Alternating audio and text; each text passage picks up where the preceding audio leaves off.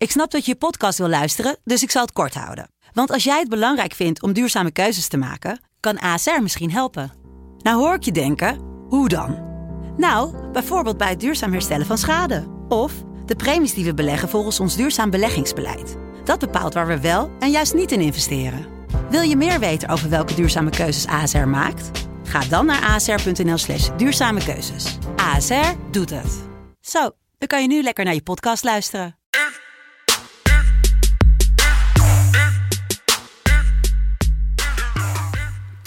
Woensdag 26 mei 2021, de ene laatste aflevering van FC Betting van dit seizoen. Want we hebben vandaag natuurlijk tijd voor de stad van het textiel tegen de stad van de keramiek. De grootmacht in hun 37e finale tegen de underdog in hun eerste finale. De Rode Duivels tegen de Yellow Submarine. We hebben het natuurlijk over BRL tegen Manchester United. Welkom Jelle Kool. Ja, dit is me toch weer een wedstrijdje hoor.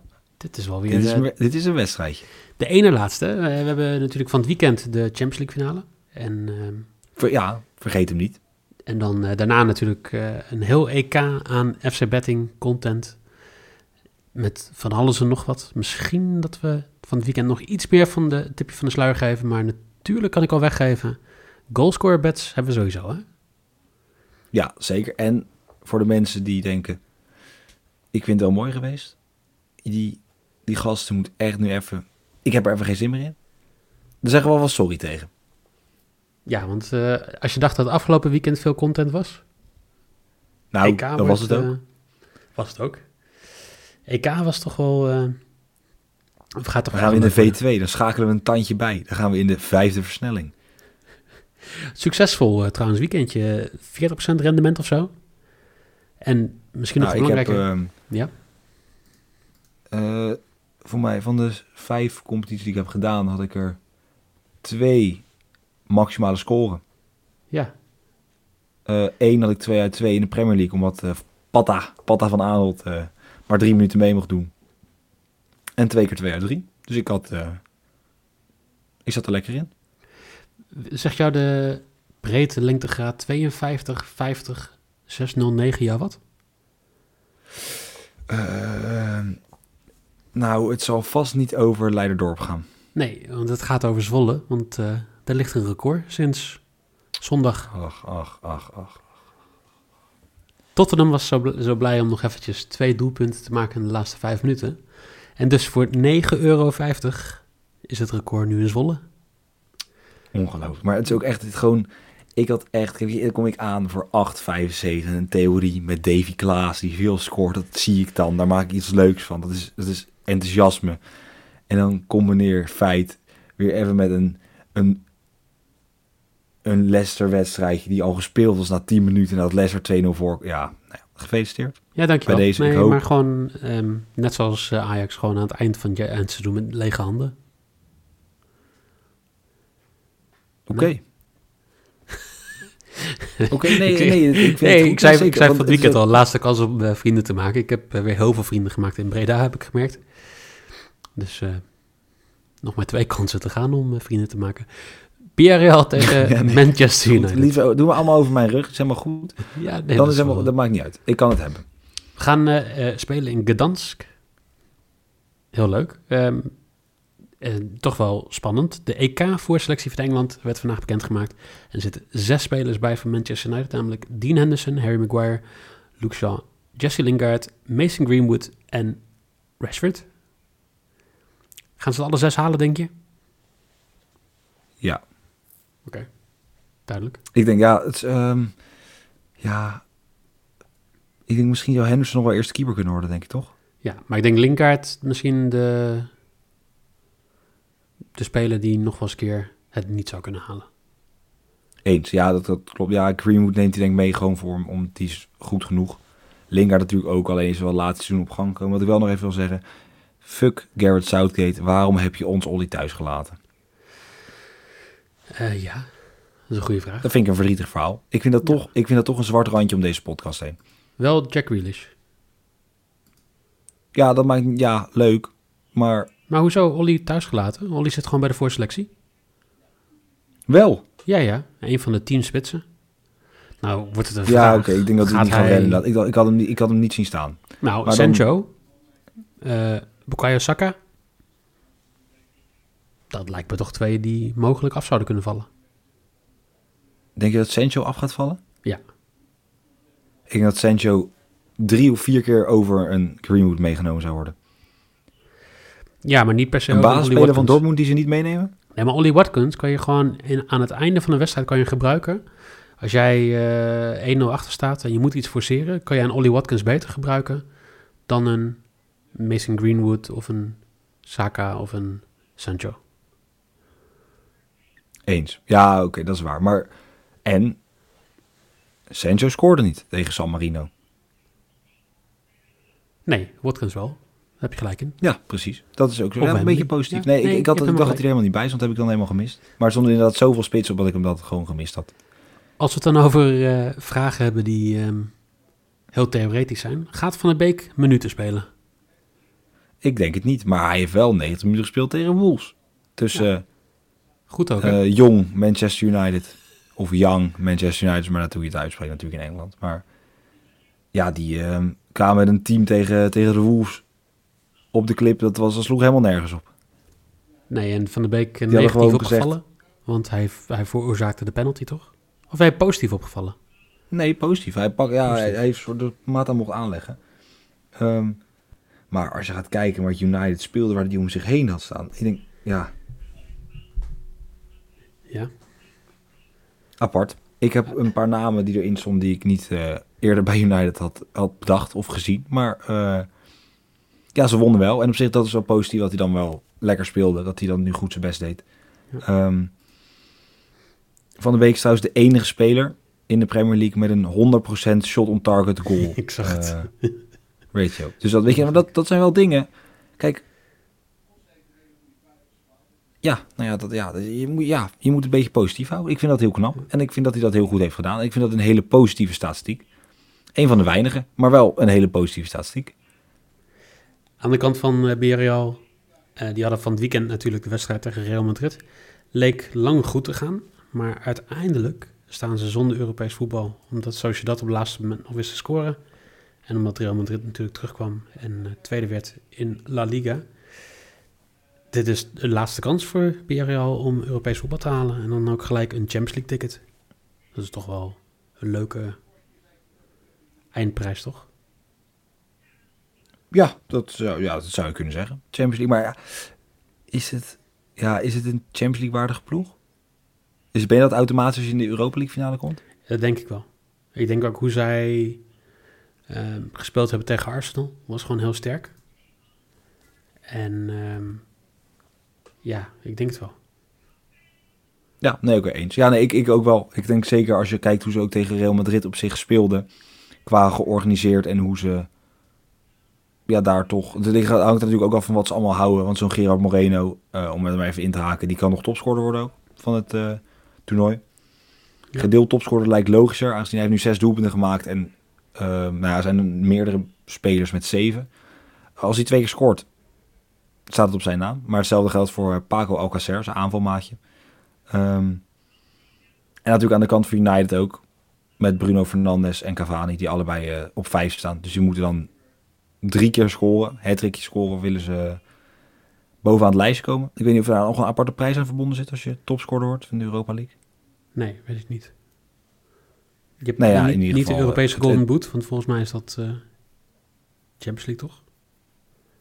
Ja, Champions League krijg je zo'n apart, apart prijsje. Maar ja, je zal vast wel ook ehm, iets krijgen. Je zal vast wel een eh, medaille thuis gestuurd krijgen. Ehm, maar jij geeft gelijk mijn maybe en mijn risk weg. Want Oh. niet alleen Cavani gaat scoren voor 2,60.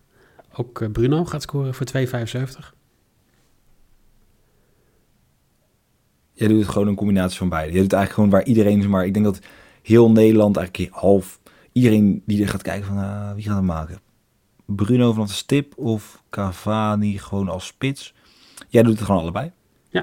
Nou ja, vooral omdat de kwoteringen 2,60 en 2,75 hoog zijn voor een speler die 1,25 doelpunten per wedstrijd heeft gescoord dit seizoen in de Europa League. Dus Cavani. Ja. En Bruno Ja. die topscorer is van Manchester United.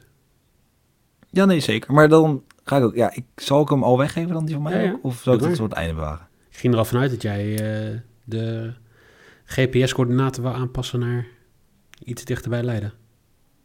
Zeker. Zeker. Ik durf die coördinaten niet helemaal uit mijn hoofd eh, te doen. Maar in principe als je bij... eh, ja, tussen Amsterdam en Den Haag de snelweg afgaat... dan eh, kom je vaak wel terecht in de buurt van Leiden.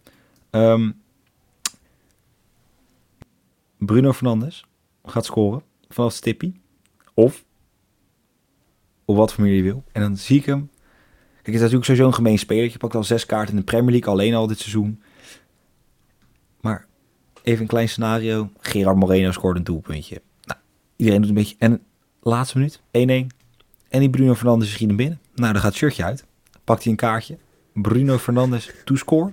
En get booked. 10 quotering. En dan gaat hij gewoon, hop zo. Hoor hem zo. Oké. A4, afslag 52.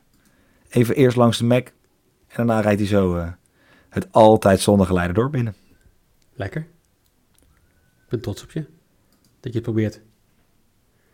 Ja, ik moet wel. Ik, ik bedoel, ik ben echt afgegaan. Ik had echt, het deed echt pijn hoor. Zondagavond. Ik dacht, ik had lekker Max Verstappen zitten kijken. En ik, eh, ja.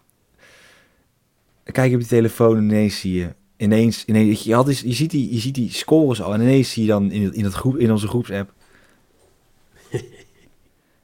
ja, dit is, ja, pijnlijk. Nee, ik, Eh, wat ook pijnlijk wordt, Ja.